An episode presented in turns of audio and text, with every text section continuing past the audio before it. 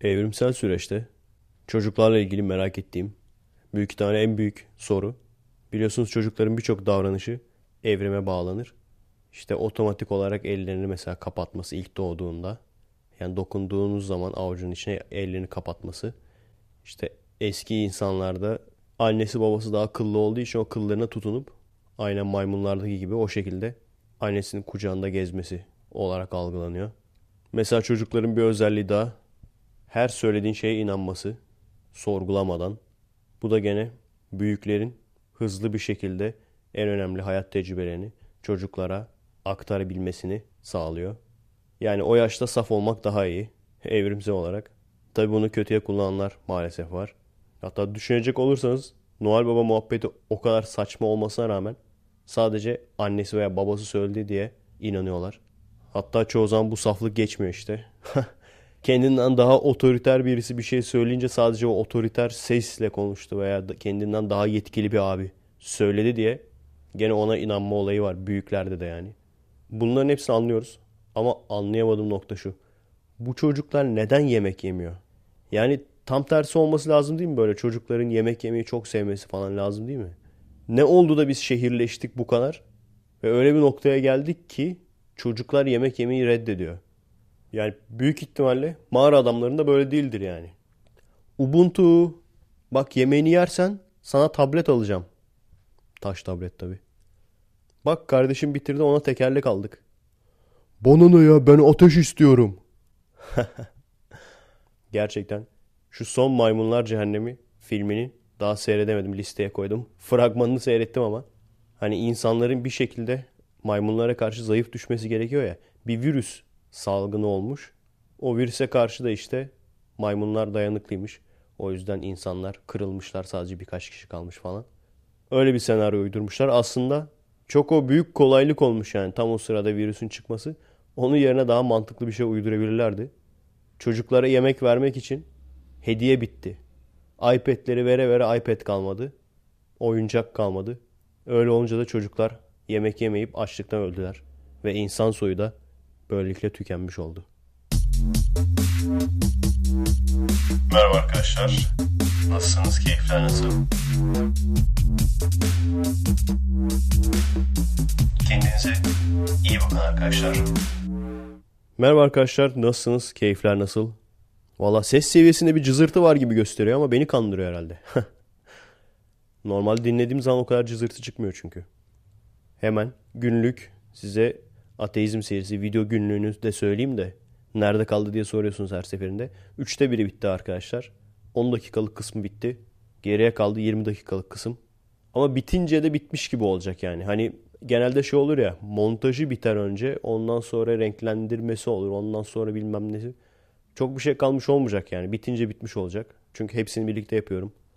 Demiştim ya ikişer üçer dakikalık kısımlar halinde astronomi serisine göre aşırı yavaş ilerlemesinin sebebi o resimleri falan da videoya koyarken Sony Vegas'ı kullanmıyorum. After Effects'i kullanıyorum.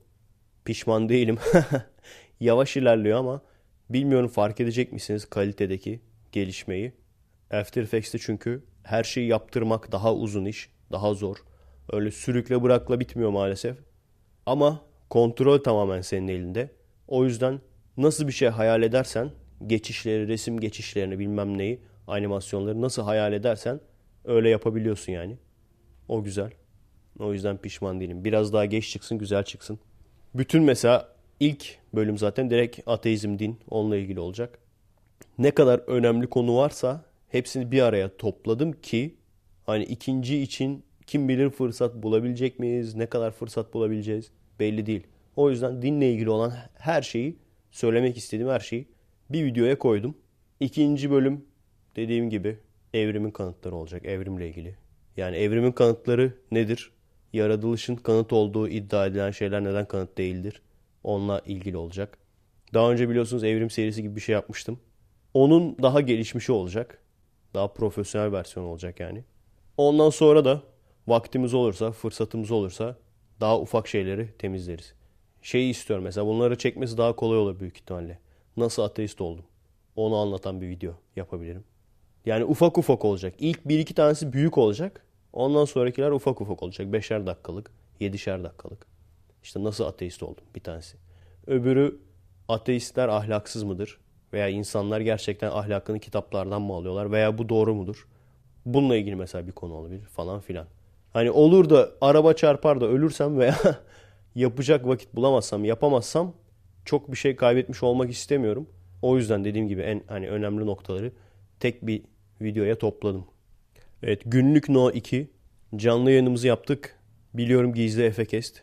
Arkadaşlar şey diyor yollamayı mı unuttun? Yollamayı unutmadım. Henüz kaydetmedim. Aslında e, konu çok merak etmeyin rahat olun. Büyük ihtimalle şu an kaydetmedim diyorum ama siz bunu dinlediğiniz zaman zaten gizli Efekest'i elde etmiş olacaksınız büyük ihtimalle. Çünkü bugün Efekest'i yapacağım. Yarın tekrar Efekest'in geri kalanını yapacağım. Bunun montajı devam ederken çarşamba günü gizli Efekest'i kaydedeceğim burada. Neden evde falan yapmıyorum? Gerçekten hiç vakit kaybetmek istemiyorum. Yani 2 saatin 1 saatin hesabını yapıyorum. O sebepten dolayı. Şu an şeyi düşünüyorum hatta. Hani FKS tanıtım filmi biraz daha birkaç kişi daha yollarsa yeterince sayımız olacak. Onu mesela ne ara montajlayacağım onu düşünüyorum. neyse bu hafta zaten gizli FKS'le geçer. Her neyse çarşamba işte gizli FKS'i çekeceğim. Konular falan hazır. Bu sefer bayağı dolu. Onda çarşamba akşamı direkt onda bir edit muhabbeti olmadığı için çekip ve çektiğim anda direkt yükleyeceğim çarşamba. Yani büyük ihtimalle eğer Patreon üyesiniz şu anda zaten hali hazırda gizli efekti dinlediniz. Zaman kayması bak bir tane daha. İlginç bir olay olmuş. Bir seyircim yolladı. Sentetik hayat ürettiler bilim adamları diye bir haber vardı.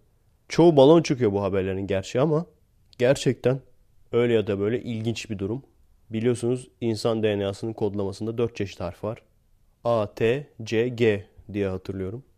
Bak diye hatırlıyorum diyorum. Ne kadar uzak kalmışım yani. Astronomi olsun.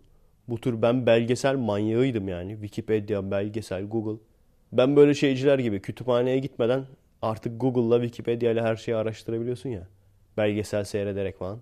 İndir indir belgeselleri seyrederdim falan böyle. Şimdi hepsinden uzak kaldık. Neyse bu dört harften farklı olarak iki tane daha harf koymuşlar. Altı harfli bir DNA'sı olan bir bakteri üretildiği haber vardı ama yani gerçekten böyle bir şey harbiden olsa bir de bakteri diyorlar yani. Harbiden böyle bir bakteri üretilse yer yerinde oynaması lazım. İşte yaşlanmaya çare bulunacak vesaire. Ölümsüzlük kapıda mı falan hep öyle olur ya. Bizim magazin bilim haberleri direkt bunlar. Ölümsüzlük kapıda mı? AIDS'e çare bulundu. Ama sonuç itibariyle gerçekten ilginç bir beyin fırtınası konusu. Çünkü şu anda ne olursa olsun bilinen bir gerçek var. Her canlı ölümü tadacaktır. Ve işin ilginç yanı her canlı ölümü tadacaktır biliyorsunuz. Aslında dini bir söz. Ama ölmeyeceklerine inananlar da dini kesim. Yani aslında ölüyor gibi gözükeceğiz ama aslında ölmeyeceğiz ve çok güzel bir hayata doğru akacağız düşüncesi. Bizde yok yani aslında her canlı ölümü tadacaktır diyen biziz. Her neyse büyük ihtimal onların ölüm dedikleri yani öteki dünyaya geçiş anlamında söylüyorlar. Yok olma anlamında değil. Günün birinde bu olmazsa ne olur? İlginç bir konu değil mi? Mesela evrimi yavaş yavaş kabul etmeye başladılar. İhsan eli açık diye yine dini kesimden bir hoca vardı. Şeycilerle ilgili konuşuyor. Kedicilerle, kedicilerle ilgili konuşuyor. Ona diyor işte niye bu kadar evrime taktı bu kafayı? Evrim İslam'a ters değildir. Yani benim fikrimi soracak olursanız terstir. Üç semavi dine de terstir. Zaten yanlış bir şey söyledi. Evrime karşı olanlar Katolik kilisesidir dedi. O direkt yanlış bir söz. Çünkü tam tersi. Evrime karşı olmayanlar Katolik kilisesi. Evrime karşı olanlar protestanlar. Uzun uzun anlatmıştım. Neden evrimle din, daha doğrusu semavi dinler ters. Adem ve Havva olayından tut. Yaratılış işte kaç günde yaratıldı, ilk insan ne zaman oldu hiçbiri tutmuyor. Ama tabii yani çok da üzerine tartışılacak bir konu değil.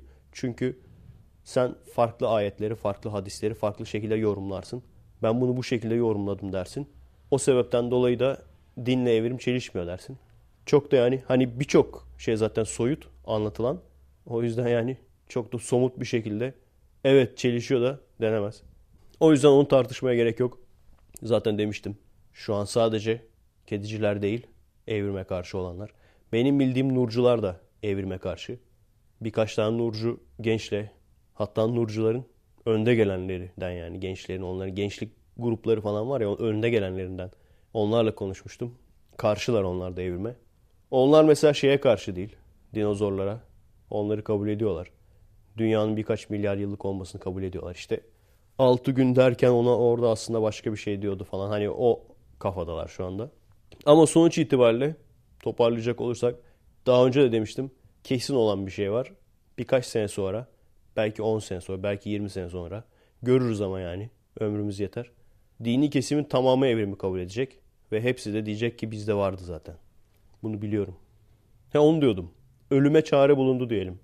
Çok nettir hani her canlı ölümü tadacaktır ifadesi. Büyük ihtimalle ona da şey derler. Yani ölümsüz olan insan bile sonuçta bir noktada ölür. Bir milyar sene sonra bile olsa değil mi? Dünya patlar ölür yani. Doğru. Bilgisayar bile değil mi? Makine bile bozuluyor yani gün geliyor. 500 sene, 1000 sene gitse bile değil mi? Ölümsüzlük nasıl olabilir? Esas işin ilginç kısmı o. Ne yollarla olabilir? Bence ölümsüzlük bir anlamda veya öteki anlamda bulunacak. Ömrüm yeter mi? Onu bilmiyorum. He, bulunduğu zaman herkese uygulayacaklar mı? Büyük ihtimalle uygulamayacaklar. Sadece önemli insanlara yapacaklar. Neler olabilir? Bir sürü şekilde olabilir ölümsüzlük. Mesela yaşlanma genini bulup bunu bir şekilde ters çevirmeyi başarırlarsa ki ciddi ciddi rejenerasyon özelliği var zaten insanların. Bunu kullanıp gene böyle farelerle deneyler. Ulan zaten insanlığı fareler kurtaracak ha. Gene farelerle deney yapmışlar böyle. Fareleri karınlarından mı bağlamışlar, dikmişler, bir şeyler yapmışlar. Yaşlı olanın gençleştiğini görmüşler falan.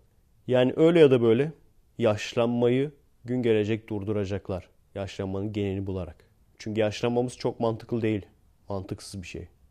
İkincisi aynen Wolverine gibi felaket rejenerasyon yeteneği. Bu da çok imkansız değil. Böyle rejenerasyon yeteneği olan hayvanlar var. Kolunu kesiyorsun tekrar çıkıyor kolu. Bu ikisini zaten koyarsan ilk etapta ölümsüzlük olmasa bile direkt 200-300 sene yaşar insanlar abi. Dünya liderimiz Allah başımızdan eksik etmesin. Güzel olmaz mı? 500 sene mesela başımızda.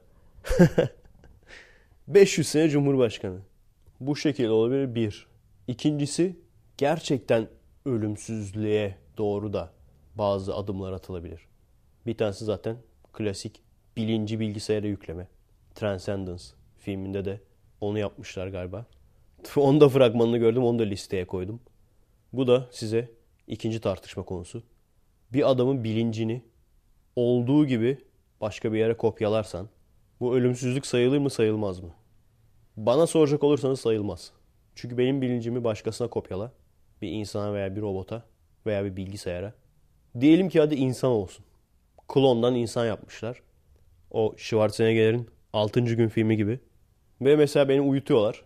Bilincimi aktarıyorlar. Sonra aynı anda uyanıyoruz. Kimin gerçek Efe olduğunu bile anlayamayız.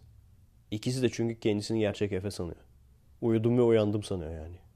Biraz işte o 6. gün de onunla ilgiliydi. Benim çektiğim 6 gün filmi değil yanlış olmasın. Schwarzenegger'in filmi. Bu ölümsüzlük sayılmaz bence. Çünkü ben her halükarda öleceğim. Ve o kopyaladığım adama yazık yani. Ölmüş birinin gölgesi olacaksın çünkü. Yani o kişi olmayacaksın ki. Eve gitsen annem baban annesi ayrılacaksan ama aslında başka birisine sarılıyorlar. Kendi çocukları öldü yani. Ne işe yarar? Yani işte bilim adamlarını falan kopyalamaya yarar. Çok önemli. Kilit insanları kopyalamaya yarar. Başka da bir işe yaramaz. O ölümsüzlük değil. Ama şöyle bir şey. Bu da üçüncü tartışma konusu.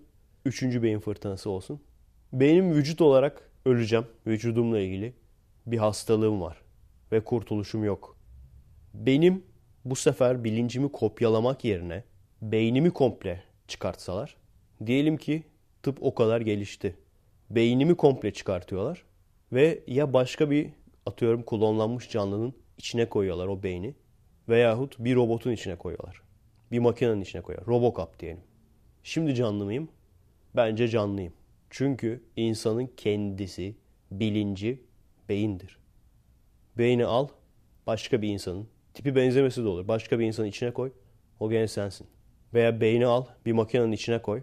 O makine aynı şekilde görebilsin, duyabilsin, hissedebilsin, düşünebilsin. Zaten düşünecek olan sensin zaten. O gene sensin. Sen ölmüş sayılmazsın yani. Sadece kabuğunu değiştirmiş olursun. Bence. Bununla ilgili de bir film vardı tabii. o filmin adını hatırlamıyorum ama çok küçüktüm. Beyin naklini buluyorlar işte. Bir tane kadın kafasını çarpıyor. Beyin kanamasından mı ne gidiyor? Başka bir kadın da arabanın altında kalıyor. Onun da beyni sağlam. Bunlar diyorlar ki bizim bir prototip beyin naklimiz vardı hadi yapalım bakalım olacak falan. Yapıyorlar oluyor. Öyle bir filmdi. Bayağı eskiydi ama yani 80'lerin filmi. Başka bir olay.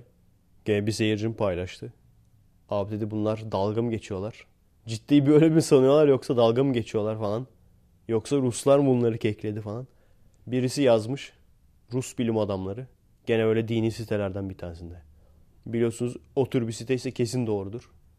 Rus bilim adamları işte lav katmanına doğru kazı yaparlarken sıcağı lavlara yaklaştıkça çığlık sesleri duymaya başlamışlar. Ondan sonra işte çığlık sesini duyunca da hepsi baya baya uzun yazmış böyle. Hepsi işte toparlandılar gittiler işlerini bıraktılar bilmem ne. Bu komik bir olay tabi. Sanıyorum büyük ihtimalle sıfırdan kafadan uydurmadı bunu bizimkiler. Benzer bir şehir efsanesi hatırlıyorum yabancılardan. Neden bunu buraya getirdim bu olayı? Doğru değil inanmayın. Yok doğru doğru şaka yapıyorum arkadaşlar. Gerçekten lavların içinde ölen ruhlar cehennem yerin altında. Neden buraya getirdim bu konuyu? Çünkü gene fazla konuşulmayan bir olay. Semavi dinlere göre fiziksel olarak yerin 7 kat altında cehennem olduğu sanılıyordu. Yani sadece dünyanın düz olması değil, dünyanın bir de alt tabakası gerçekten 7 kat altında cehennem olduğu sanılıyordu. Sanıyorum ayet olarak yok. Ayet olarak hatırlamıyorum. Varsa da hatırlamıyorum yani. Hadislerde olması lazım. Biliyorsunuz bizimkilerin birçoğu zaten postmodern dinci arkadaşlar. Hadisleri de kabul etmiyor. O yüzden onlar muaf. Yerin 7 kat üstünde de cennet olduğu düşünülüyor. Biz de işte arasındayız. O şekilde düşünürsen tabii gerçekten fiziksel olarak yerin altında böyle işte çığlık atan bağıran insanların olması doğal. Gene başka bir seyircim. Sürekli seyircinin bir şeyler atıyorlar gördüğünüz gibi. Beni dünyadan haberdar ediyorlar. Bu sütü seven kamyoncular Jolly tatil turuna reklam filmi çekmişler. Tabi isim reklam filmi değil. Şey olarak paylaşılmış. Normal filmlerden daha güzel olmuş falan diye başlık o. Başka bir sitede gördüm yani paylaşan site başlığını o şekilde koymuş. Yani birincisi reklam filmi zaten reklam filmleri nedense bizim normal filmlere göre çekimi daha kaliteli. İkincisi de o kadar da her neyse ben yine böyle Türk filmlerine daha iyi olmuş falan deyince gerçekten böyle abartı bir şey bekliyordum. Her neyse seyircim sordu işte. Sen de böyle Türkiye'ye gelip böyle bir iş yapmak istemez misin? Reklam alma, virallanma. Hayır istemem. Üzülüyorum arkadaşlar hala da beni tanımıyorsunuz. O noktayı çoktan geçtik. Viralcilik, reklamcılık, işte Cheetos reklamı, dondurma reklamı bilmem ne. Tatil turu reklamı. O noktayı çoktan geçtik. Hatta dalga geçiyorlar işte. Adam ucuzuna gidiyor falan. Ucuzuna gidince başına her şey geliyor. Vallahi biz biz ucuzuna gideriz. Başıma gelsin yani. O 500 dolar fazladan uçak parası veremem yani. Bir kişi için 500 dolar fazladan uçak parası veremem. Verememi geçtim. İnsanlara da bunu da söyleyemem yani. 500 dolar veya 500 TL fazladan verin. Bu adamlar götürsün sizi. Yani bir yola girdim. O girdiğim yolda doğru çıktı. Patreon'dan şu anda insanlar o kadar üye oluyorlar. Yani resmen var mı başka abi? Yani para vererek yayın dinliyor insanlar yani. Böyle bir noktaya gelmeyi başardım. Gerçekten çok zor. Ben düşünemezdim bile yani böyle bir şey olacağını. İnsanlar gönüllü olarak paralı seyrediyor yani. Zorunlu olmadığı halde bir de yani. Şimdi bu noktaya geldikten sonra bu insanların emekleriyle ekipman alıp, alet edevat alıp ondan sonra da reklam filmi mi çekeceğim? Tatil turlarına reklam filmi mi çekeceğim? Hiç sanmıyorum abi. Yapacağım en fazla kendi videolarımı belki sponsor. Hani başta böyle sponsor bilmem ne markası falan. Veya sonda. Ama onun haricinde lütfen tekrar böyle bir şey teklif etmeyin. Çünkü bir, bir sürü kişi aynı şeyi söylüyor. Abi sen de yapsana. Yapmayacağım abi. Yapmayacağım. Yapmayacağım abi. Şey falan diyorlar işte. Abi ekipman toplayana kadar ondan sonra film çekersin. Gerçekten gerek yok arkadaşlar. Şu anda ona vereceğim emekle dediğim gibi ben bir yol seçtim. O yolda doğru çıktı. Şu anda ben millete reklam çekeceğime para alıp kendi istediğim belgesel türü veya bilim kurgu kısa film türü veya insanların güleceği komedi türü kısa filmler çeksem daha çok çevrimi genişletip belki daha çok para kazanırım. Yani benim böyle şeylere ihtiyacım yok. Yani medyanın birçoğu iki yüzlerin elinde. Ben onların hepsine alayına gider yaptım yani. Hepsine burada laf sokmuşluğum vardır birçoğuna. Yanlış gördüğüm kim varsa laf sokmuşluğum vardır. Niye? Çünkü korkum yok. Niye? Çünkü aman bu adamlarla iş yapamam. Aman işte bu adamlarla iş yapıyorum. Beni şovlara çıkartıyorlar şovmenler falan. Böyle bir korkum yok yani. Bunun karşılığında da beni seven, seyreden arkadaşlarım da hardcore seyrediyor. Döve döve arkadaşlarını seyrettiriyorlar falan. Dediğim gibi bir yola girdim. O yolda doğru yol çıktı yani. Seyircilerime güvendim. Bu güvende boşa çıkmadı. Bir de adblock daha az kullansanız süper olacak. YouTube gelir de ayrı bir gelir. O şu anda 50 dolar falan geliyor. Çok bir şey gelmiyor. Sabit hatta yani. En aşağı 3-4 aydır sabit 50 dolar geliyor. Onları hiç ellemiyorum, biriktiriyorum. Şey yapıyorum. Bana işte çizim yapan, illüstrasyon yapan arkadaşlara yolluyorum. O, o işe yarıyor yani. Zaten Türk hesabı olduğu için Türk PayPal'i Türkiye'den Türkiye'ye yollaması da kolay oluyor. Yani başka şekilde yardımcı olamıyorsanız ve yardımcı olmak da istiyorsanız Adblocks'uz seyredebilirsiniz. O da gene bana iş yapan arkadaşlara en azından hak ettikleri bir iki bir şey verme şansım oluyor onun sayesinde. Ha onu diyordum. Yani işte bu filmlerden çok iyi olmuş veya işte böyle film görmedim. Artık bu kelimeleri bu kadar abartı kullanmayın arkadaşlar. Bu sözleri, bu cümleleri. Bu kadar boş laf olarak kullanmayın yani. Bizim Türklerde Panzehir diye bir film var. Bir ara fragmanını görmüştüm. Şimdi işte Türk filmlerine tek tek böyle bakacağım. Özellikle arkadaşlarla falan bir araya gelebilirsek haftada en azından bir tane böyle Türk filmi seyretme seansı.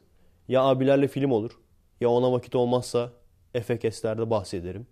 Haftada bir tane seyretmek istiyorum. Neden? Hepsinin hatalarına bakmak istiyorum. Ne hatalar yapmışlar. O yüzden özellikle iyi denilen filmlere bakmak istiyorum. Ki o hataları ben de yapmayayım yani. Veya çok iyi bir yanı varsa o iyi yanını göreyim. O sebepten dolayı işte Amerika'ya gitmeden önce onu listeye koymuştuk abi bir ara bunu seyretseydik falan. Seyredemedik sonra arkadaşlarla. Panzehir filmini. Ekşi'de baktım. Millet neler yazmış böyle. Uf muhteşem film. Ama herkes böyle. Türkiye'nin en iyi aksiyon filmi nokta. Böyle net yazılar yani. Türk filmlerinde bir mihenk taşı falan. Lan dedim ne oluyor? Adamlar Terminator 2 mi çekti dedim. Batman Dark Knight mı çekti dedim. Ne oldu falan. Gerçekten kıskandım biliyor musunuz? Ben öyle bir puşt bir adamım yani. Ben kıskanç bir puştum. Niye kıskanıyorum abi? Biri benden önce iyi aksiyon veya bilim kurgu çekmesin. ben kendim çekebilecek miyim? O günleri görecek miyiz bilmiyorum ama benden önce çekmesinler abi. Kıskanırım yani. Ya benimsin ya toprağın yani. ben de filmcilik konusunda çomarım böyle. o yüzden kıskandım. Allah dedim. Ben de önce çekmişler lanet olsun falan. Gerçi mesela şeyi falan görmüştüm Nefesi. Ondan sonra Yandım Ali falan. Çok güzel filmler. Onları kıskanmadım yani. Helal olsun dedim. Zaten ikisi de bizim kafamızda filmler. Yandım Ali'de Atatürk var zaten. Nefes de zaten terör örgütüyle ilgili olduğu için ikisi de bizim kafada film. Belki de o yüzden kıskanmadım onları. Tüh ya falan dedim böyle. Çünkü biliyorum mafya filmi falan. Hesaplaşma filmi falan. Dedim acaba adamlar John Wick mi çekmişler? Biri de yazmış biliyor musun? Ben onu düşünüyordum adam da yazmış. Ondan sonra birkaç entry sonra. Türklerin John Wick'i falan oha. Böyle bir moralsiz moralsiz bir açtım. Abi çok da fazla yorum yapmayacağım. YouTube'dan açın seyredin yani. Beğenmeyenler Recep İvedikçidir falan. Ben de kendi kendime düşünüyorum. Ulan ben Recep İvedikçiyim de haberim mi yok acaba? Yani benim anlamadığım nokta şu. Bir, aksiyon filminde, aksiyon filmi olduğunu iddia eden bir filmde ki bu ekşici arkadaşlar para mı yemişler artık ne olmuş? Para yemediklerini biliyorum. Ben de kendim de Türk olduğum için insanların bazı şeyleri nasıl böyle gözü kapalı parçalarcasına savunduklarını biliyorum yani. İşte o Nikoncu kanoncu muhabbetinde mesela sanarsın ki adam Nikon'un CEO'su veya sanarsın ki adam Mac'in sahibi yani. Mac PC kavgasında mesela. O yüzden valla isteyen bana laf etsin. Zaten herkes her gün laf ediyor. Yazabilirsiniz. Eskiden Ben Ekşi'de yazıyordum. Sonra anlatmışımdır. Admin'in tanıdığı olan biriyle laf dalaşına girdim. O zamanlar böyle ufak bir genç olduğumuz için umursuyorduk öyle şeyleri. Bana laf sokunca ben de ona laf sokacağım falan. Sonra bir anda 500 entrimle birlikte silindim. Sonra mesaj attım falan. Otomatik mesaj geldi işte. Silinen arkadaşlar işte siz ne yaptığınızı biliyorsunuzdur falan. Hiç kimse iplemedi. Sonra işte aradan 6-7 sene geçti. Şimdi ben adamları diyorum. Benim hakkımda entry açmayın. Adamlar ısrarla açıyorlar. Olay tam tersine döndü. Açın o zaman abi. Açın ne yapayım? yani ben diyorum ki benim hakkımda konuşmayın. Adamlar bu sefer ısrarla konuşuyor. Aradaki fark. 6-7 sene içindeki aradaki fark. Konuşun. Ne yapacağım o kıl ünlüler gibi? Benim hakkımda entry açmayın bana. Açın abi. Bana ne yani? Bakmıyorum ki artık. Öyle bir şey var. Mesela bir şeyi sevmiyorsan ona bak. Ekşide. Sevdiklerine bakma. Sevdiklerine bakarsan moralim bozulur. Ben kendime bakmıyorum mesela. Sevmediğim biri varsa ona bakıyorum. Her neyse. isteyen dediğim gibi Recep İvedikçi desin. İsteyen kolaysa sen daha iyisini çek falan desin. Bizim artık birini bunu çıkıp söylemesi lazım ben söyleyeyim. Bizim artık aksiyon filmi ismiyle filozof mafya filmi çekmeyi bitirmemiz lazım. Kurtlar Vadisi diyorduk. Şimdi Enter Kurtlar Vadisi çıktı. Yani sürekli işte mafya toplantılarında insanların birbirine bakıp da felsefe yapıp şiir okuyup hayku anlatıp destan dillendi türkü yakmaları gerçekten böyle mi oluyor yani mafya toplantıları? Bence şu anda artık böyle oluyordur biliyor musunuz arkadaşlar? Çünkü o kadar çok Kurtlar Vadisi dizisi oynadı ki. Hani şeyler öyledir ya. Sevgililer falan dramatik kavga eder böyle. Çünkü biz televizyonlardan, filmlerden hep görüyoruz. Sevgililer dramatik kavga ederler falan böyle. Arkası böyle huşt döner böyle. Kafayı çevirir falan. Elleri kolları böyle sallayarak bir şeyler anlatır. Şimdi görüyoruz sevgililer de öyle kavga etmeye başladı artık. Dramatik kavga ediyorlar. O yüzden bence artık mafya toplantılarında da mafya babaları felsefe yapmaya başlamıştır yani. Dur lan mafya toplantısı var. Getir lan şu sözlüğü falan diye böyle. Ne yapıyorsun abi? Nietzsche okuyorum abi. Mafya toplantısı var. Ondan sonra bunu artık bırakmalıyız bir. Aksiyon filmi dendiği zaman insanların şu konuşma sahneleri geçsin artık diye beklememesi lazım. Bunu yapıyorsa bir hata vardır. İki. Aksiyon filmi dediğin zaman ellerini kirletmen lazım. bak cinnet geçireceğim bak. Aksiyon filmi dediğin zaman ellerini kirletmen lazım. Ha, Hollywood'da yapmıyor dersen onlar da yanlış yapıyor. Bir 80'lerdeki 90'lardaki gibi doğru düzgün çekemiyorlar artık. CGI'yi basıyorlar. Var ama tek tük var. Bir mesela yeni Hızlı ve Öfkeli serisi mesela benim hoşuma gitti baya. Tek tük var yani. Silahların bile oyuncak olduğu, oyuncak silahların üstüne bariz bir şekilde Action Essentials'dan Muzzle Flash basıldığı, bir arabayı bile parçalamayıp üstüne gene After Effects'te kurşun izleri falan konduğu. Ben anlamıyorum. Gerçekten ciddi ciddi anlamıyorum. Yani silah yani yasak mı? Yani her türlü güvenliğini alsan filmde ateş edemez misin? Kuru sıkı silahla mesela bir. İkincisi de onu yapıyorlar. Yabancı filmlerde yapıyorlar. Bizde de yapıyorlardı galiba. Gerçek silahla mesela arabayı tarayamaz mısın? Hadi o belki yasaktı bilmiyorum. Ben deneyeceğim ama yani. Deneyeceğim izin almaya çalışacağım. Orada ben de size söylerim. Ama en azından kuru sıkıyla çalışabiliyor olman lazım. Yani arka sokaklara laf ediyorduk. E adamlar her bölüm bir minibüs patlatıyorlar. Hurdacıya gidiyorlar abi. Gerçekten patlatıyorlar yani herifler. Hatta bazen hatta bazen konuyla da alakasız yani. Öyle bir silahlı çatışma var. Silahlı çatışma var. Konuyla tamamen alakasız bir tanesi alıyor el bombasını orada minibüsün içine koyuyor. Sırf patlasın abi patlasın da şöyle bir şenlik olsun diye. Her boku After Effects ile yaparsan elini hiç kirletmezsen dövüş sahnelerini sürekli her adımı keserek sıfır koreografiyle veya minimum koreografiyle yaparsan yani şöyle bir şey olmamalı. Gavur gençlerinin, yabancıların, gençlerin YouTube'da çektiği en son mesela bir tane setim müthiş yapmış herifler ya. Bu şeyi demiyorum. Street Fighter Legacy'yi demiyorum. Onu zaten bir seyredin. Street Fighter Legacy olsun. Street Fighter Assassin's Fist olsun. Onu zaten seyredin. Bir tane şey yapmışlar. Scorpion vs. Noob Saibot. YouTube'a yazarsanız çıkar direkt. Yani Gavur'un YouTube'cusunun yaptığı film aksiyon olarak, prodüksiyon olarak bizimkinden daha iyi olmamalı. O işte fatality'yi falan birebir yapmışlar yani. Scorpion'un fatality'si var. Ortadan ikiye kesiyor. Ondan sonra kafayı kesiyor. Kafa uçarken bir de kafayı düzlemesine kesiyor. Beyni açılıyor falan. Adamlar almışlar prostetik kafa bilmem ne. O yeşil spandex anlatmış mıydım size? Almak istiyorum dedim. Burada öyle öyle bir olay var. Yani komple dar bir kıyafet. Yeşil yemyeşil yani. Onu giyiyorsun. Ondan sonra mesela atıyorum orada mesela şey yapmışlar. Uçan kafa. Uçan kafayı o spandex'te adam tutuyor havada yani. Sanki böyle havada yavaş yavaş dönüyormuş gibi oluyor falan. Bunları falan uğraşmışlar yani yapmışlar. Yaratıcılık kullanmışlar. Bizde hala da ana kahraman dümdüz yürüyor. 5 kişi 10 kişi ateş ediyor. Bu adamlara hiçbir şey olmuyor. Tek bir filmden bahsetmiyorum. Bizim bir sürü aksiyon dizimiz. Hadi onlar dizi yani. Hani onları fazla ciddiye de almazsın. Nasıl bir mihenk taşı abi? Tıpa tıp aynısı. Kurtlar Vadisi'nin biraz daha atarlı sözlü olan yani. Yani Türk sineması attan ata atlayan Cüneyt Arkın gördü. Kral çıplak kusura bakmayın. Yani benim kızdığım nokta bu işte. Artık filmcilerin içinde kimse elini kirletmek istemiyor. Kimse değil de birçok kişi diyeyim yani. Elini kirletmek istemiyor adamlar. Zaten kanlar tabii ki de CGI. Kanlar tabii ki de bilgisayar. Araba patlaması tabii ki de Action Essentials. Yani ben şey düşmanı değilim bak. CGI düşmanı veya ne bileyim Action Essentials düşmanı değilim. Ama şöyle bir durum var. Siz bilgisayar efekti koyarsanız gerçek, mesela gerçek prostetik veya o squib denen olay var ya basıyorsun patlıyor böyle. Sanki hani tabancayla vurmuşsun gibi.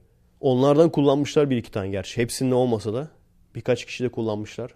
Bunları kullanmadığınız zaman işte sahte kan yerine bilgisayarda kan koymaya çalıştığınız zaman gerçekçi olmuyor.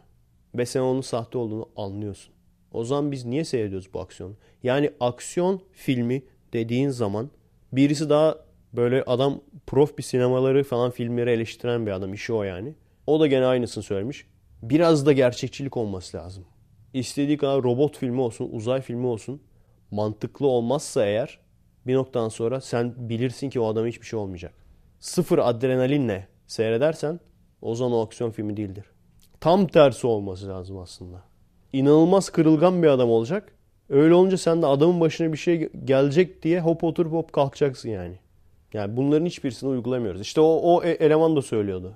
Gerçekten zor çekilmiş sahneler. Evet. Zor çekilmiş sahneler olacak ki sen onu göreceksin. Bir Jackie Chan filmi gibi. Bizim Tom Cruise mesela Tom Cruise. O da mesela kendisi yapıyor. Zor sahnelerde dublör kullanmıyor. Öyle olunca da tabii ki filmciler adamı tercih ediyor. Yoksa o manyağı kim alır abi? Scientology bilmem ne.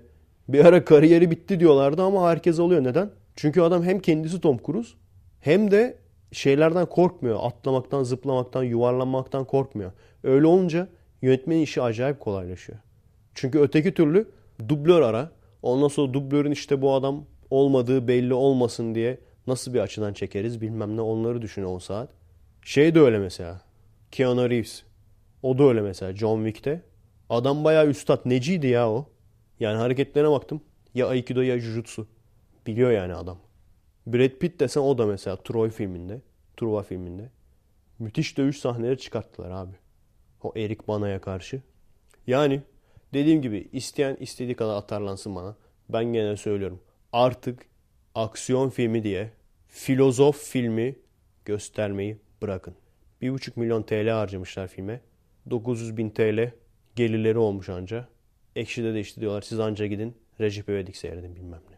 Yani bu bundan bir şeylerin öğrenilmesi lazım. Bana bir buçuk milyon TL ver ben köprüden atlarım lan. ver ama bir buçuk TL şuradan köprüden atlayayım aşağıya. Bungee ipiyle ama. Yok paraşütle paraşütle. Öğretsin biri bana. Paraşütle atlarım bak. Evet bu sefer zaman çabuk geçmiş arkadaşlar. Mesai vaktim geldi. Saat 2 oldu. Yarına görüşürüz. Eyvallah.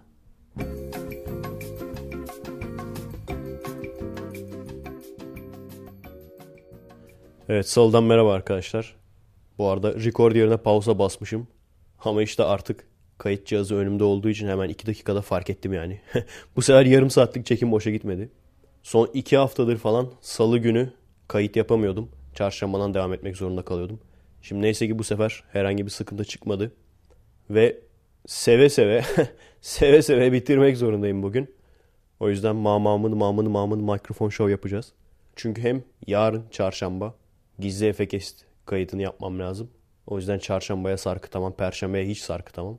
Bununla birlikte de çarşamba akşamı bütün videoyu bitirip belki de yükleyeceğim. Belki de perşembe günü siz görmüş olacaksınız cuma yerine. Bir gün önceden görme ihtimaliniz bile var.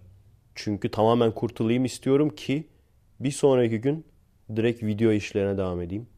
Bu hafta hikaye kahramanı veya roman kahramanı sandığımız ama gerçekte yaşamış olan karakterler köşesinde. Takma adını söylemeyeceğim. Onu en son söyleyeceğim. Heyecan olsun. Almanya'nın en ünlü pilotlarından birisi. Adı Manfred Albrecht Freiherr von Richthofen. Nasıl tanıdınız değil mi? İki kişi tanıdı ama.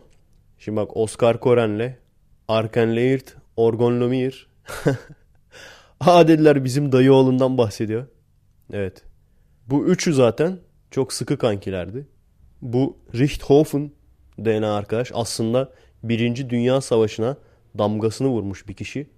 Özelliği bütün savaşta en çok düşman öldüren, en çok hit count'u olan pilot olarak geçiyor. Yani iki tarafta toplam. Sadece Alman tarafında değil. İlk başta atlı birlik olarak başlamış askerlik hayatına. Ama sonra bu işte Birinci Dünya Savaşı'nda ilk olarak çıkan bu düşmanı yavaşlatmak için kullanılan dikenli teller, tel örgüler. Ondan sonra hendek kazmalar falan. Yüzünden artık atlı birlikler kullanılamaz hale gelmiş. Atlı birliğin kaldırılması yani ilk o zamanlara ve bu sebepten dolayı. Daha sonra işte bu Richthofen'ı getirici götürücü yapıyorlar. Önemsiz işlere falan sürüyorlar. O da sinirleniyor. Ben diyor savaşa bunları yapmak için gelmedim. Ciddi ciddi böyle bir yazı yazıyor yani. Normalde bizim er dese bunu komutanına ne olur? Ama işte savaş durumu olduğu için savaş durumunda herkes şeyde de öldür yani doğuda da komutanla asker daha arkadaş gibidir yani. Hayatlarını çünkü birbirlerine bağlıyorlar. Bunda da gene Almanlarda da gene savaş zamanı olduğu için adamın isteğini kabul etmişler. Madem demişler sen bu kadar heveslisin. Daha sonra bir uçak vermişler. Çok fazla akrobatik yetenekleri, manevra yetenekleri aşırı yok. Ama taktik olarak aşırı zeki bir adam. Ve biliyorsunuz o zamanlar hava savaşı deyince ya böyle uçaklar birbirinin yanından geçerken adam cebinden tabancayı çıkartıp ötekini vurmaya çalışıyor. Ya da uçağın önüne takılmış makinalı tüfekler var. Richthofen'ın özelliği de stratejik olarak çok zeki bir adam artı çok iyi bir nişancı. Öyle olunca gerçekten yanına yaklaşılmayacak bir rekor elde ediyor. Daha sonra kendi farkını ortaya koymak için uçağını kırmızıya boyuyor. Aynı zamanda da bir de aileden kalma bir baron ünvanı var. Onu ikisini birleştirince herhalde kim olduğunu anladınız. Kendisine hem Alman ordusu hem de düşmanları Red Baron diye isim takıyor. Evet, dramatik müzik girdi mi? Soktum büyük ihtimalle dramatik müziği. Gerçekten Red Baron deyince insanın aklına bir insandan ziyade bir sürü bak animesini yapmışlar kaç tane. Ben şeyi biliyorum. Bir tane çizgi filmde kötü adam vardı Red Baron diye. Çocuk çizgi filminde. Hatta o, o şey miydi ya? Bu hani Ayı Yogi yarışması vardı ya. Üniversiteliler bilmez. 30 yaş altları bilmez. Ayı Yogi yarışması vardı ya hani. Yogiler, Scooby'ler bir de kötüler. Üç tane grup vardı. Abi ne seyrederdik onu ya. Deli gibi seyrederdik. Kafa dağıtıcı. O zamanın kafa dağıtıcı çizgi filmi oydu işte. Hep de Scooby'leri kazandırdı ipneler. Ben şeyleri tutardım. Yogileri tutardım ben. Bütün sevdiğim karakterler Yogilerdeydi. Hep Scooby'leri kazandırırlardı. Yogiler de ikinci olunca sevinir. Niye seviniyorsun ki yani? Zaten üç tane insan var. Üç grubun içinde. ikinci olunca niye seviniyorsun yani? Şerefli bir ikincilik diye seviniyorlar. Orada işte kötülerin grubunda vardı bir tane. Red Baron'du değil mi onun adı? Öyle hatırlıyorum bak. Ondan sonra kaç tane bilgisayar oyunu yaptılar. Şimdi bir de baktım filmini çekmişler. Birkaç tane film var. En son 2008 yapım bir filmi daha var. Fragmanına falan baktım. Güzel gözüküyordu. Ona da bakabilirsiniz. Sonuç itibariyle Red Baron Bu arada mesela birkaç tane rekor kırmış uçak modeline de gene Red Baron demişler. Red Baron projesi var. Amerika ordusunun hava kombatı geliştirme, taktik geliştirme projelerinden bir tanesi. Yani sonuç itibariyle çok adını duyduğumuz kişi buymuş.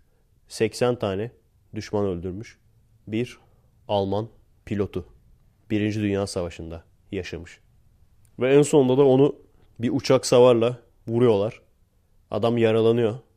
Gene de düşmüyor ama. İniş yapıyor. İniş yaptıktan sonra yerde ölüyor.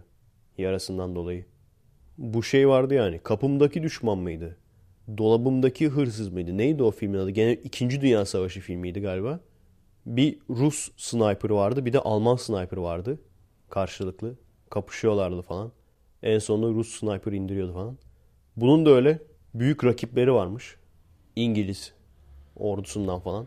Ama hepsinin üstesinden gelmiş. Birkaç kere vurulmuş. Ölmemiş ama düşmüş. Bir kere kafadan vurulmuş uçaktayken. Gene ölmüyor. Hastaneye falan götürüyorlar. Ama ondan sonra bir daha da toparlayamamış artık. O işte öldüğü olay da iyileştikten sonra doktor tavsiyesine uymayıp çıkıyor ben savaşacağım diye. Tekrardan uçağa biniyor falan.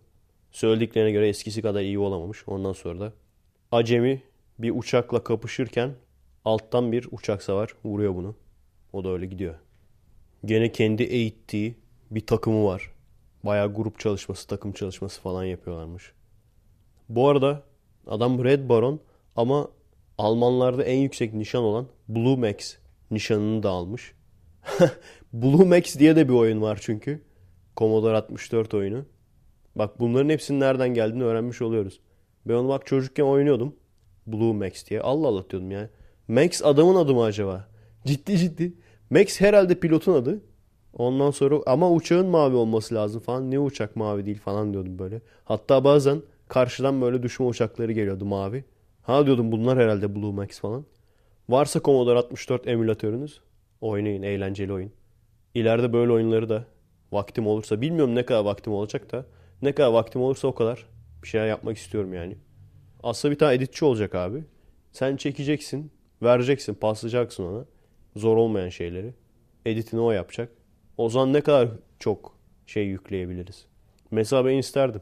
Şey yapıyor ya şimdi Angry Video Game Nerd. Eski böyle Nintendo oyunlarını tanıtıyor. Sega oyunlarını falan tanıtıyor. Hiç Commodore 64'e girmiyor. Aslında bizim çocukluğumuz da Commodore 64'tür yani. Biraz böyle genç olduğumuz zamanlar Amiga. Ben de böyle bu ikisini aslında tanıtmak isterdim. Gerçekten yani biz mesela hani Angry Video Game Nerd'ü veya John Tron falan komiklik olsun diye gülmek için seyrediyoruz. Yani tabii komiklik gülmek güzel. Bir de ciddi ciddi şey var. Yani o dönemde yaşamamış olduğunuza bazen üzülüyorum yani. Çünkü bazı oyunlar var ki çıkmıyor abi. Yani bu bildiğin köy sucuğu gibi. köy sucuğu gibi. Sen gel Amerika'ya bulamazsın yani öyle bir şey. Maniac Mansion diye bir oyun vardı mesela. Arkadaşlarla oynuyorduk bayağı ufakken. Hatırlıyorum ilkokul 5'teydim ben. Nereden hatırlıyorum? Çünkü henüz İngilizce öğrenmemiştim. Şey falan diyordum. Ben şimdi hazırlığa başlayacağım. Yazdan sonra. Yazın oynuyorduk arkadaşlarla. Yazdan sonra hazırlığa başlayacağım. Şuradan iki tane kelime öğreneyim bari. Harbiden öğrenmiştim. Front door. Ön kapı demek. Door kapı demek. İngiliz İngilizcesiymiş. Torch. El feneri diyorduk o zaman. İngiliz İngilizcesi olduğu için. Amerikan İngilizcesinde flashlight'tır. Torch daha meşale gibi bir şey yani aslında. Ondan sonra pick up mesela pick up al demek. Yerden al demek mesela. Maniac manyak demek. Güzel yanı şuydu oyunun. 10 küsür tane falan karakter var. Bir tanesi baş karakter. Onu almak zorundasın. İki tane de sen kendin seçiyorsun. Tamam mı? O kendi seçtiğin karakter kombinasyonuna göre hepsinin özellikleri farklı çünkü. Bir tanesi müzisyen, öbürü geek, bilim adamı, öbürü güçlü mesela. Seçtiğin karakterlere göre oyunu bitirme yöntemin farklı. Şey oluyor muydu bilmiyorum. Mesela hani doğru karakter seçemezsen hiç bitiremiyor musun? Öyle bir olay oluyor mu bilmiyorum da. Çok zor bir oyundu. Çok zor bir oyun abi. Eskiden oyunlar öyleydi. Çok zordu yani. Öyle bakıyorduk yani. Lan ne yapacağız şimdi falan diye. Yani çok güzel bir fikir değil mi? Atıyorum mesela müzisyen arkadaşınla geek arkadaşını seçtin. İşte bir tanesi piyano çalıyor, bir şeyler yapıyor, kaset dolduruyor piyano çalarken. Ondan sonra o kaseti bir yere yolluyor falan. Öbür nerd arkadaşın gidiyor mesela yaratıkla konuşabiliyor. Konuşup onu kafalayabiliyor. Yani bir sürü farklı oyunu bitirme yolu vardı. Ondan sonra Maniac Mansion 2 çıktı. Maniac Mansion 2'nin grafikleri bayağı çizgi film gibiydi yani. O daha da zordu ama. Onda galiba seçme şansın yoktu. Birden 3 tane karakteri seçiyordun zorunlu. O iyice zordu ya. Onda böyle bir tanesi geleceğe gidiyordu. Bir tanesi geçmişe gidiyordu. Bir tanesi de şimdiki zamanda aynı evdeler. Yani aynı mekandalar, farklı zamanlardalar. Ondan sonra zaman makinesinden işte birbirine bir şeyler yollayabiliyorsun falan.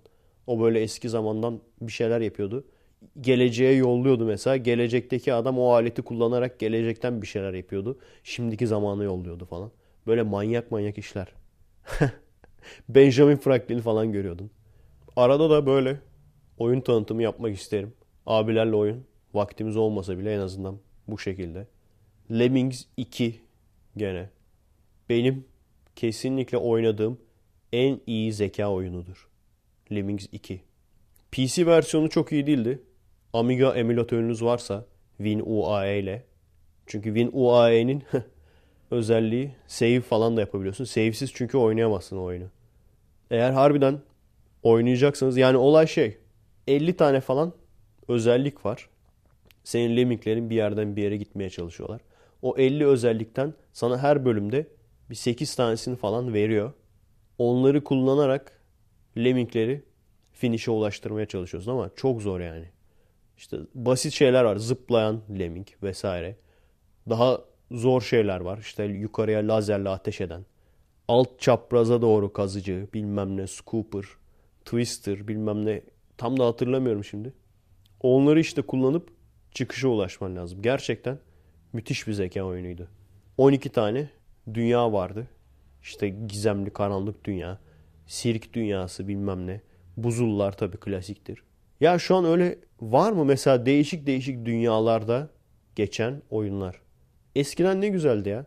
Mesela öyle olduğu zaman bir buzul klasiktir. Hepsinde buzul vardır yani. Super Frog'undan tut. Arabian Nights'ına bilmem nesine kadar. Arabian Nights mesela eşek gibi zor bir oyundu. Yani abi biraz insan insanlık ya. O yüzden işte şey vardı. Biz kartuş takardık. Kartuş takıp orada save state olayı vardır ya. Bir yere gelirsin durumunu save yaparsın. Onu falan yapardık en azından. Çünkü eskiden öyleydi yani oyunlar abi. 5 canım mı var? 3 canım mı var? Sen istersen saatlerce oynamış ol. 6-7 saat oynamış ol. Sonda mesela bir boss'a geldin. Bir bölümlerden bir tanesinde yani yatıyorum. 7. bölümde bir boss'a geldin. O boss'u nasıl öldüreceğini çözemedin. Boss seni öldürdü en baştan.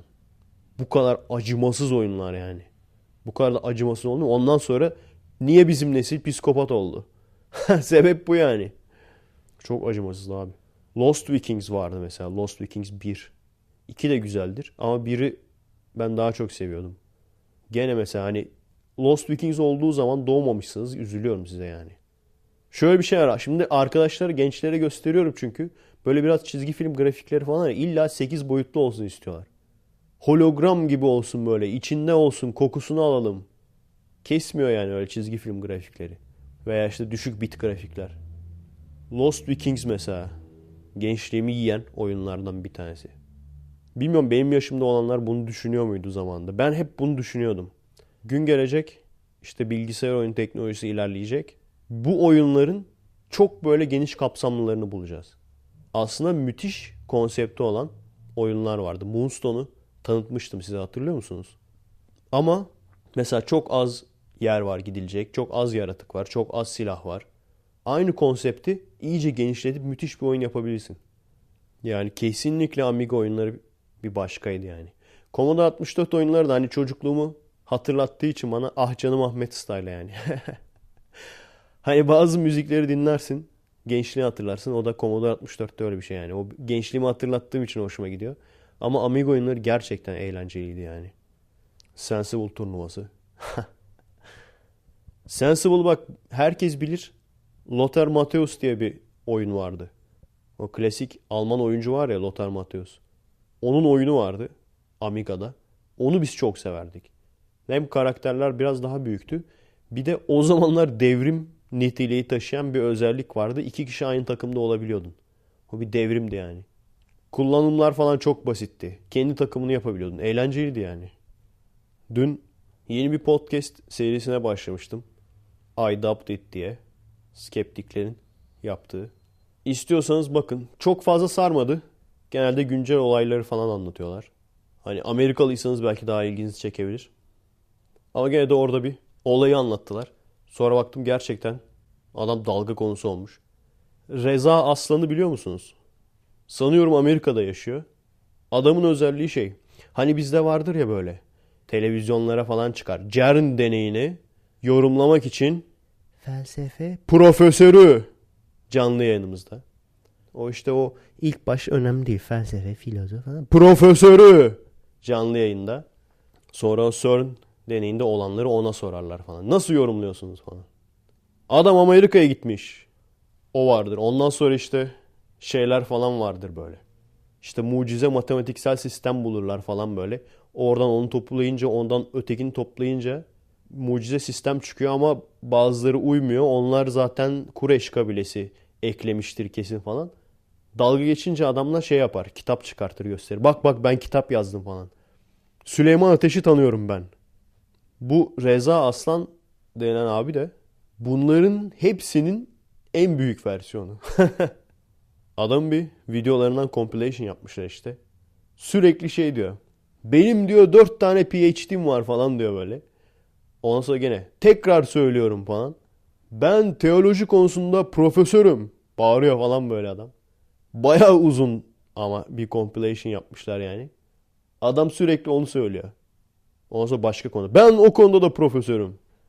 Şimdi adamlar tabii Amerikalılar dalga malzemesi yapmış bunu. Burada tabii öyle bir şey demeye çalışırsan dalga malzemesi. Ama işte Orta Doğu kafası o. Benim elimde kağıt var. Bak ne diyor uzman. Çoğu kişiyle tartıştığım için genelde olay şeye bağlanır ya. Ben Arapça biliyorum. Veya işte ben Arapça konusunda uzmanım. Uzmanlığım var. Yani şu söylediğin lafı 10 saniye düşünür müsün? Çünkü senin hani mesela 30 tane Kur'an tefsiri var. Sen bir tanesisin. Diğer 29'unun yanlış olduğunu söylüyorsun. Ve biz soru sorduğumuz zaman bize diyorsun ki benim Arapçam var çok iyi.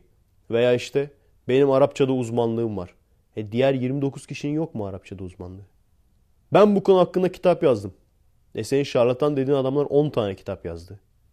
Yani özellikle çok fazla hani sesim çıkmayan az ünlüyken o zamanlar çünkü hani susturabiliyorlardı. Şu anda daha ünsüz olan sesini çok duyuramayan arkadaşlar bir şey söylemeye çalışınca direkt o şekilde ezmeye çalışırlar. Sen kimsin ya falan. Ben teoloji konusunda, ilahiyat konusunda uzmanlık yaptım. Arapça konusunda uzmanlığım var. Süleyman Ateş'i tanıyorum. Süleyman Ateş'i tanımak. Ben de gideyim bir tanışayım. Havam olsun yani benim de. Ama artık maalesef bizimle tartışan insanlar diyorum. Ki bu olay sadece dincilerde değil biliyor musunuz? Bilimle ilgili konuşan adamlarda bile yani dinle alakası olmasın. Bizim Türkiye'de çok var bu. Ben diyor fizik profesörüyüm. Ben de iyi mi bileceksin? Şeyi anlatmıştım değil mi? Meteorologu. Ben meteorologum. Benden iyi mi bileceksin? E bildi. Yani Fahrenheit'la Celsius'un aynı olduğu eksi 40 derecede aynı olduğunu sen meteorolog olduğun halde bilmiyorsan o diplomayı kıvırıp cebine sokman lazım. Yanlış mıyım? Önemli olan arkadaşlar sıfat sahibi olmak değil elinizdeki sıfatlara layık olmak. Ben astronomiden mezun olduğum zaman bana astronom diye bir belge verdiler. Ama ondan sonra kendim belgesel manyağı olmuştum. Ne kadar? Astronomi ile ilgili ne kadar belgesel varsa hepsini yuttum. Ve o kadar çok şey daha öğrendim ki bir sürü şeyi kafama oturtamamışım yani. Önemli olan kağıt parçası değil.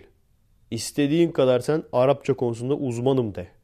İstediğin kadar bilmem ne konusunda kitap yazdım de. Söylediklerin başkalarının kafasına oturmuyorsa senin bir geleceğin yok. Reşat Halife'den mesaj geldi. Biliyorum kendisi ölmüş. Sadece size şunu soruyorum. Bunu hayattayken de bu şekilde bir mesajı var mıydı? Yoksa gerçekten bu adamı sevmeyenler çünkü İslami kesimle birbirine girmiş durumda ya. Gerçekten bu adamı sevmeyenler Onunla dalga geçmek için mi uydurdu? Yani bazı şeyler var ki dalga mı gerçek mi anlayamıyorum gerçekten. Çünkü dalga dediğimiz birçok şey gerçek çıktı şimdiye kadar. Pilot kalem gerçekmiş mesela. Neyse şöyle bir mesaj geldi. Reşat Halife'nin sizlere çağrısıdır falan diye. İşte baya baya uzun bir şeyler yazmış. Ona sonra diyor ki bu mesajı bir yere yazın. Sonra işte kopyalayın. 10 kişiye postalayın. Onun yaşadığı zaman herhalde chain mail yoktu. Şey falan diyor mesela Allah'ın krallığı. Yani gerçekten kendisi bunu yaşarken böyle bir mesaj atıyor muydu insanlara? Yoksa biri bununla dalga geçmek için mi böyle bir şey uydurdu? Google'dan baktım. Let me Google that for him. Çekmeyin bana. Google'dan baktım. Sadece kendine ait Facebook siteleri gördüm. Kendine ait Facebook sitelerinde de gene aynı mesaj var. Ama dediğim gibi birisi bu kişiyi trollemek için yapıyor olabilir bunu. Biliyorsunuz işte bu sayısal mucizeli falan ilk bulan kişi budur. Diğer şu an onun ufakları küçükleri var yani devam eden. Bir kişi aklına yatmış. O da oradan devam ediyor. Ama o kişi de gittikten sonra yani yaşlanıp öldükten sonra sanmıyorum bir tane daha böyle bir insan çıksın da devam ettirsin yani. O yüzden dediğim gibi bunlar şu anda bize zarar veriyorlar. Bilgi kirliliği yaratarak bize zarar veriyorlar. Ama verecekleri zarar büyük değil. Çok da kötü bir niyetleri olduğunu da düşünmüyorum. İkinci sorumda gerçekten ismi Reşat Halife mi? Yani kendisine Allah'ın elçisi falan diyor. Ondan sonra işte Allah'ın krallığına gelin diyor. Allah'ın krallığı yani Kingdom of Heaven veya Kingdom of God. Bu Hristiyanlarda çok kullanılan bir terimdir. Müslümanlarda kullanılmaz yani bu. Allah'ın krallığı. Tekrar soruyorum yani bilen varsa, bu kişileri yakından tanıyan varsa gerçekten hayattayken böyle mesajlar atıyor muydu? Yoksa onu trollemek, onunla dalga geçmek isteyen insanların yaptığı büyük bir komplo mu? Çünkü büyük bir komplo. Sadece bana atılmamış bu. Birçok kişiye atılmış. Hatta galiba sitelerinde falan da var. Nedir ne değildir. Çünkü gerçekten doğruysa çok acayip şeyler var. Çok acayip şeyler yazıyor. Kendisine Allah'ın elçisi falan demekten tut. Bunu işte kopyalayın, postalayın. Postalamazsınız başınıza iş mi gelir diyor. Ne diyordu? Öyle çok acayip şeyler var yani. Bilgisi olan beni bilinçlendirirse sevinirim. Evet. En son Let Me Google That For You çeken arkadaş hakkın rahmetine kavuşturdum. Haklı haksız tartışma tartışmama bu çok önemli değil. Özellikle arkadaşım değilsen kıllık yapma. Ben etrafında o kıl insan istemiyorum. Çünkü gerçek hayatta zaten ben bu insanlardan kaçıyorum arkadaşlar yapmayın. Yani ben gerçek hayatta asosyal biri olarak ünlü olana kadar asosyal biri olarak tanındıysam genç edecekler. Efe Aydalı kendi ünlü sanıyor. Valla şu anki arkadaşlarım neredeyse tamamı tamamına yakın yani yakın arkadaşlarımın tamamına yakını buluşmalara gelmiş ve oradan tanıştığımız insanlar olduğu için çocukluk arkadaşım veya Aikido'dan arkadaşlarım da var tabii ama bunun belki 10 katı kadar buluşmalardan tanıştığımız arkadaşlar. O yüzden evet ünlü olduktan sonra asosyalliği bırakıp sosyal bir insan oldum. Bu da bir gerçek. Onu diyorum arkadaşlar ben bunlardan yani gerçek hayatta kaça kaça asosyal oldum yani. Şeyler vardır ya böyle. Hani bir göt arkadaş demiştim. Bir de aşırı yorucu arkadaşlar vardır. Ki bazen hem göt arkadaş hem yorucu arkadaş olur. Onlar hiç çekilmez. Şey yapar abi. Yani çok basit konularda bile tamam mı? İşte Canon mu Nikon mu bilmem ne muhabbeti. Şey dersin Canon'u ben daha çok seviyorum falan. Ağzından çıkar. Bu hemen başlar. Ama Nikon 1900 şurada şunu yaptı. Nikon'un şu şu pikseli var. Nikon'un çözünürlüğü şöyle bilmem ne. Motorunun Carl Zeiss lensinin de sensörü çift aynalı tek bilmem neli. Ya kardeşim Canon'u sevemez miyim? Veya PC muhabbetinde. Ben işte mühendislik okudum bilmem. Ya sakin. Sakin olun abi. Yani en basit şeylerde ya.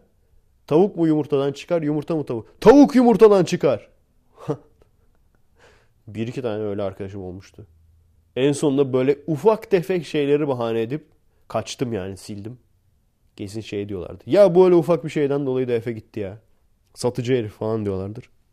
Yok aslında yorucu. Gerçekten yani abi bak arkadaşlık demek tamam mı? Arkadaşının yanındayken var olan sitesine atarsın. Arkadaşlık demek site satmak demek. Arkadaşlık demek yoktan bir böyle stresli bir durum sahibi olmak değil yani. ya şey bile olduğu zaman bizde de mesela bazen çekimlere geliyorlar veya işte buluşmalara geliyorlar. Bir kişi böyle ateist değil çıkıyor falan. Mutlaka başka bir arkadaş da çıkar oradan sivri. Ama bak işte Kur'an'ın şurasında şöyle diyor böyle. Ya kardeşim çekimdeyiz yani. Veya gelmişiz burada buluşmuşuz bir kahve içiyoruz yani. Sanarsın ki açık oturum. genç bakış. Abbas Güçlü ile genç bakış sanarsın. Bırak abi. Zaten benim yanıma gelen insan, benimle arkadaşlık yapan insanın sonu kötüdür yani. Daha onunla tartışmana gerek yok ki. Sonu kötü yani. Neden? Düşüne düşüne sorgulaya sorgulaya zaten kendisi bulacak yani. O yüzden ben hiçbir şekilde benim yanıma gelip de ben ateist değilim. Daha doğrusu ben Müslümanım veya Hristiyanım diyen de oluyordu. Yahudiyim diyen daha gelmedi. Gidip de onlara şey demem yani. Ama bak işte şu ayet şöyle falan. Veya şu çok mantıksız falan. Hayır. Zaten beni seviyorsa bir insan, benimle de takılıyorsa, benim yanımda kala kala bazı şeyleri anlayacak, kötü yola düşecek yani. Yani karşınızdaki arkadaşınızın yanlış olduğunu düşünseniz bile bu şekilde rahatsızlık verici konuşmayın arkadaşlar. Ondan sonra demeyin. Beni niye kimse sevmiyor? Alem göt olmuş falan demeyin ondan sonra. Bir tane eleman Amerika'da kızlar bunu sevmiyor diye hiç kimse yüz vermiyor diye adam da zaten biraz kırıkmış yani. Bıçakla seri katil olmuş. Bir dalmış abi. Sırayla böyle sessiz bir şekilde bayağı bir insanı öldürmüş yakalanana kadar. Adamın ismini hatırlayamıyorum. Elliot. Adıydı Elliot galiba. Adamın YouTube'da kanalı var. Herhalde şey yazsanız çıkar. Serial Killer Elliot falan yazsanız Google'da çıkar büyük ihtimalle. Adamın YouTube kanalı var yani. Katil olmadan önce. En son artık şey demiş. Yeter artık demiş. Kızlar demiş. Benimle hiç ilgilenmiyor. Hepsinden nefret ediyorum. Hep başka erkeklere gidiyorlar. 22 yaşındayım hala bakireyim. Ulan pezevenk. Şevki Yılmaz gibi patlayayım mı? Pezevenk adam. 22 yaşındayım bakireyim. Ulan bizim gençlik ne yapsın? Bizim gençlik ölsün o zaman. Dayısı elinden tutmayanlar şöyle köşeye geçsin arkadaşlar. Ne yapsın abi bu adamlar? Dayısı elinden tutmayanlar. Hayır şey kötü. Benim tanıdığım isim tabii ki vermeyeceğim. Ama bana yakın olan kişilerden birisi de sürekli bu muhabbeti çekiyor yani. Kızlardan nefret ediyorum. Hiçbirisi benimle ilgilenmiyor. Benim de kısa bir dönem öyle bir düşüncem vardı ama yani yaş olarak çok gençtim abi. Eşek kadar olmamıştım yani. Arkadaşlar tamam eyvallah hadi lisede millet kezbandır işte piş çocuklarla daha çok ilgilenir falan filan ama üniversite olsun veya daha yaşın ilerleyince olsun yapman gereken insan olacaksın abi. Sen insan gibi insan olursan yani şu gerçeği kabul edeceksin bak. Sorun şurada. Acilen bir sevgili bulmam lazım. Bir sevgili bulmalıyım. Böyle bir kafam varsa ve bu şekilde insanlarla, kızlarla konuşuyorsan insanlar anlar onu. Kendine güveneceksin. Olmasa da olur kardeşim diyeceksin. Çok umurumda değil. Öyle olunca insanlarla, kadınlarla, kızlarla konuşma stilin de değişecek. Daha kendine güvenir olacaksın. Daha böyle zorlayıcı, bir an önce hadi bir şeyler olsun. Hemen mesela arkadaşlıktan ilişki konumumuzu değiştirelim falan düşüncesiyle değil. Bunlar hep emek ister çünkü. Kendine daha güvenilir olacaksın. Bir, bunu düşünmen lazım. Yani kafanda bu varsa eğer kızlar neden beni beğenmiyor ya falan. Özellikle liseyi geçtiysen liseye de belki bulabilirsin de zordur yani.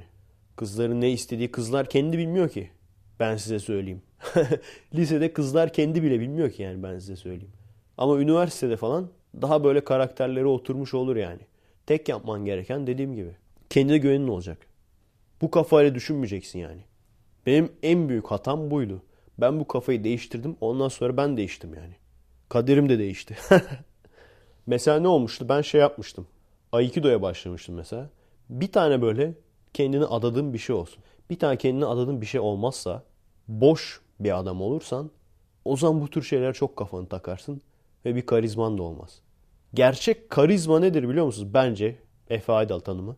Bir konuda eğer uzmansan, ustaysan, yapabiliyorsan o işi zaten senin kendinden karizman vardır. Hiç böyle şey kasmazsın. Şöyle sigaramı yakayım falan. Şöyle karizmatik karizmatik üfleyeyim dumanını. Biraz felsefi konuşayım falan. Hiç bunları kasmazsın bile yani. Yani sözlük abazanı olmayın arkadaşlar. Hani o insanlar anlamıyorlar büyük ihtimalle. Lan diyorlar biz o kadar entel kuntel şeyler yazıyoruz. Gene hatunu düşüremedik. Farkında değiller ki dışarıdan bakınca çok net anlaşılıyor yani. Sözlük abazanlarının hangileri olduğu. Gerçekten arkadaşlar kasmayın. Yani ben Aikido'ya başladım. O konuda uzmanlaştım. Bu tür şeyleri kafaya takmamaya başladım. Ya tamam diyorduk. Yok kız arkadaşım ama çok da umurumda değil artık. Olursa olur. İnsanlarla, kızlarla çok daha rahat konuşmaya başladım. Olay bu yani. Suç kesinlikle kızlarda falan değil. Kızlara suçu atmayın abi. Suç sende. Kızlar seni beğenmiyorsa suç sende. Kafanı değiştir. Beğenmemelerin çok umruna takma. Gerisi gelir. Bu arada hep şeyi tartışıyoruz ya. Abi bizim memlekette mi daha çok salak var? Amerika'da mı? Kendisine dünyanın bir numaralı ülkesi diyen bazı konularda bir numaralı mesela para konusunda. Ama yani kendi kendisine dünyanın en iyi ülkesi diyen bir ülkede nasıl bu kadar çok salak olabiliyor? Gerçekten son bir olay gördüm ki yok abi biz salaklıkta Amerika'nın yanına yaklaşamayız. Adamlar şampiyon yani.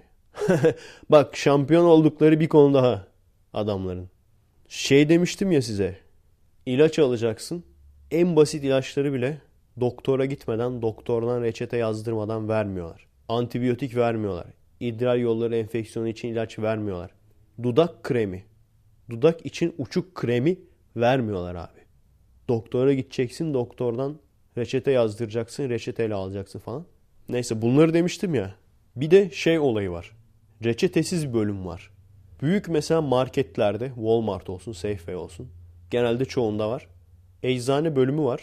Eczane bölümünde de işte bir böyle eczacılar var 3 tane falan. Onların da arkalarında ilaçlar. Bir de normal raflarda senin görebileceğin, alabileceğin ilaçlar var. Onlara da over the counter ilaçlar deniyor. İşte ne oluyor genelde? Vitamin, magnezyum bilmem ne. Abi ne gördüm biliyor musun? Homeopati bölümü. Bunu daha önceden size söylemiş miydim? Söylemediysem söylemiş olayım. Söylediysem bir daha söylemiş olayım abi. Homeopati bölümü var adamlarda. Şarlatanlık olduğu kanıtlanmış bir olayın. Yani plasebo'dan daha beter bir şey homeopati. Farkı hani plasebo bazı hastalıkları özellikle hastalık hastasına yakın olan hastalıkları iyileştirebileceğini düşünürken homeopati direkt bütün hastalıkları bu şekilde iyileştirebileceğini düşünüyor. Neydi onların mantığı ya? Daha böyle zaten yazıyor kutuların üstünde de yazıyor. %100 doğal hiçbir katkı maddesi yok. Yok tabii içinde hiçbir şey yok ki. Katkı maddesi tabii ki yok. Var diyen yok zaten. Sorun orada zaten. İçinde bir şey olması lazım. Adamların mantığı şeydi. Bu ilaçları verdiğin zaman vücutta kendini tedavi etme mekanizması mı varmış? Dokusu mu varmış? Bir şeyi varmış böyle. Kendini tedavi etme sistemi. O ilacı gördüğü zaman hani o ilacın içinde gerçekten mesela mikrop öldürücü olmasa bile sadece görüntü olarak, tat olarak, şekil olarak benziyorsa vücut onu görüyormuş. Ondan sonra kendini iyileştirme sistemi harekete geçiyormuş. Kendini iyileştiriyormuş. Bunun sıkış olduğu seneler önce kanıtlanmış bir şey. Adamların homeopati diye özel reyonu var. Bitti. Amerika is the champion. Şampiyon abi adamlar. adamlar şampiyon. Bizde Faruk Eczanesi. Git Faruk Eczanesi'ne sor. Homeopati bölümü var mı diye. Büyük ihtimal dayak yersin. Ki yemen de lazım yani. Orada adamın senin sopayla dönmesi lazım. Dövmüyorsa eğer sorun vardır. Benim bildiğim homeopati ilacı diye satılan Türkiye'de var mı bilmiyorum ama aktarlarda ben şey görmüştüm. Homeopati uzmanı diye çıkıyor böyle televizyonda. Onların böyle vardır ya kocaman LCD televizyonları vardır. Orada sürekli kendi reklamları döner falan. Orada görmüştüm işte. Homeopati uzmanı diyor ki falan. Bilmem ne bilmem ne bitkisi çok işe yarar falan. Hani ben bir tek öyle aktarlarda gördüm yani. Eczanede adamı döverler yani. Bana homeopati ilacı var deyince. Faruk Eczanesi ne ünlü oluyor. Ben şey yapmıştım bir kere. Cem Yılmaz'a mesaj atmıştım abi. Google konumu. Üşenmedim Faruk Eczanesi'ni arattırdım. Google Maps'te. İstanbul'da çıktı. Adama yolladım. Abi buyur diye. Yalnız ne kadar ünlü olmuştur lan o. Faruk Eczanesi. İnanılmaz ünlü olmuştur lan. Adam resmen şeyi kazandı ha. Sayısal lotoyu kazandı yani adam. Milli piyango çıktı adama yani. Şeye vitrine yazıyorlar. O Faruk Eczanesi biziz. Cem Yılmaz tabi ansız satayım adam 3 senede 4 senede bir stand-up çıkarttığı için adamın söylediği 1 saatlik 2 saatlik program 4-5 sene ağızdan ağıza dolaşıyor. Bir de sürekli aynı şeyleri dinliyoruz ya. Döndürüp döndürüp. O şey mesela bir tane kebapçı varmış. Sürekli şapur şupur öpüyormuş Cem Yılmaz'ı. O falan şimdi yazmıştır şeye vitrine. Cem Yılmaz'ı şapur şupur öpen kebapçı biziz. İçeride fotoğraf var böyle Cem Yılmaz'ı öperlerken.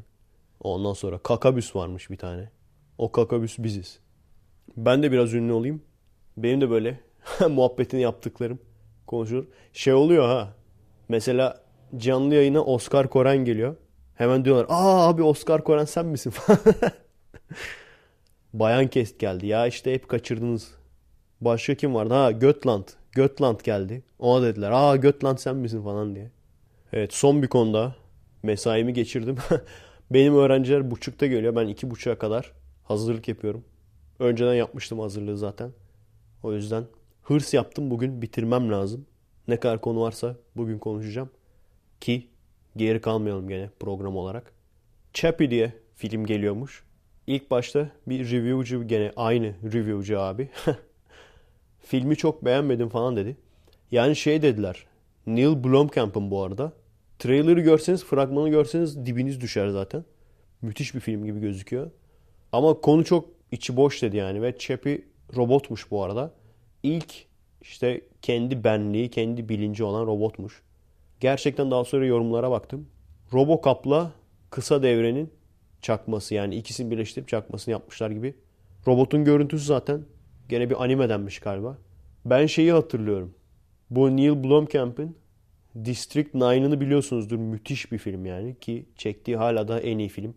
Yani bir yönetmenin çektiği en iyi film ilk filmse gerçekten büyük sıkıntı yani. Neyse o District 9'dan önce biliyorsunuz Alive in Joburg diye bir kısa filmi var. Direkt o District 9'ın şeyi. Kısa film versiyonu yani. Oradan zaten çok etkilenmişler. Bu arada o eleman da Neil Blomkamp'te Vancouver Film Okulu'ndan mezun. Çok etkilenmişler. Ve direkt sanırım Peter Jackson'dı. Yapımcılığını falan üstlenmişler böyle. Gel demişler. Buna böyle bir uzun metraj çek. Adam kısa filmciyken bak tak diye uzun metraj filmci oluyor. Ve adamın çektiği film de District 9 gibi müthiş bir film yani. Öyle tırto film değil yani. Ondan sonra Elysium'u çekiyor. Ortalama bir film. Şimdi de Chappie'yi çekmiş. Ha onu diyordum işte. İlk bir tane kısa filmi var. Yani bu Alive in Joburg'dan da önce daha da kısa bir film. Hatırladığım kadarıyla oradaki polis aynen tip olarak Chappie'ydi. Kulaklar mulaklar böyle uzun gremlin gibi. Sanıyorum onun bu sefer uzun metrajını yapmış. Filmin tanımını görünce gene kıskandım abi. Bak sadece Türkleri kıskanmıyorum görüyorsunuz. Hollywood'u bile kıskanıyorum artık.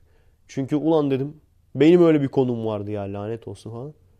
Ama sonradan konuyu tamamen şey yapınca, dinleyince ve fragmana da bakınca yok farklı. Gerçekten bu orijinal bir konu değil yani. Short Circuit diye bir film vardı. Vaktiniz olursa seyredin. Aynen o da. Bilinci olan bir robot yapıyor. O robot da ölmek istemiyor. Ölümü falan anlıyor böyle. Sonra ölmemeye çalışıyor falan. Neyse. Benim de kafamda, hayalimde böyle robotlu, robotlarla ilgili bir kısa film fikri var. Nasıl yapacağız bilmiyorum. 3D ile yapamayız büyük ihtimalle. Çünkü bayağı hareketli kamera falan istiyorum. Yani bizi aşar. Şey de yapamayız. Kukla olarak da yapamayız. O da bizi aşar. Büyük ihtimalle suit yapacağız. Yani o işte cosplay etkinliklerinde falan böyle War Machine, Iron Man falan suitleri yapan elemanlarla konuşacağız büyük ihtimalle. Şu anda kafamda o var yani. Orijinal bir robot suit yapacağız. Daha sonra mesela onu boyayıp farklı çeşit robot yapabiliriz. Mesela medik robot, işçi robot, ordu mensubu robot falan. Neyse güzel bir fikir var kafamda. Türkiye'de Türkiye ile ilgili böyle bir şey yoktu yani. Umarım hayata geçirebilirim. Yani istemez misiniz arkadaşlar? Hiçbir yabancı filmin çakması olmayan orijinal bilim kurgu filmlerimiz olsun. Orijinal aksiyon filmlerimiz var mı? Orijinal korku filmlerimiz olsun. Konusunu başka bir yerden almadığımız. Güzel olmaz mıydı? Bence süper olurdu. Evet. Büyük ihtimalle bu haftalıkta bu kadar arkadaşlar. Büyük ihtimalle kapanış müziğini duyacaksınız. Kendinize iyi bakın. Adresimiz youtube.com bölü kommek, twitter.com bölü kommek. Destek olmak isteyen arkadaşlar için patreon.com bölü Efe Aydal. Haftaya görüşürüz. Bilime emanet olun. Alevli haftalar.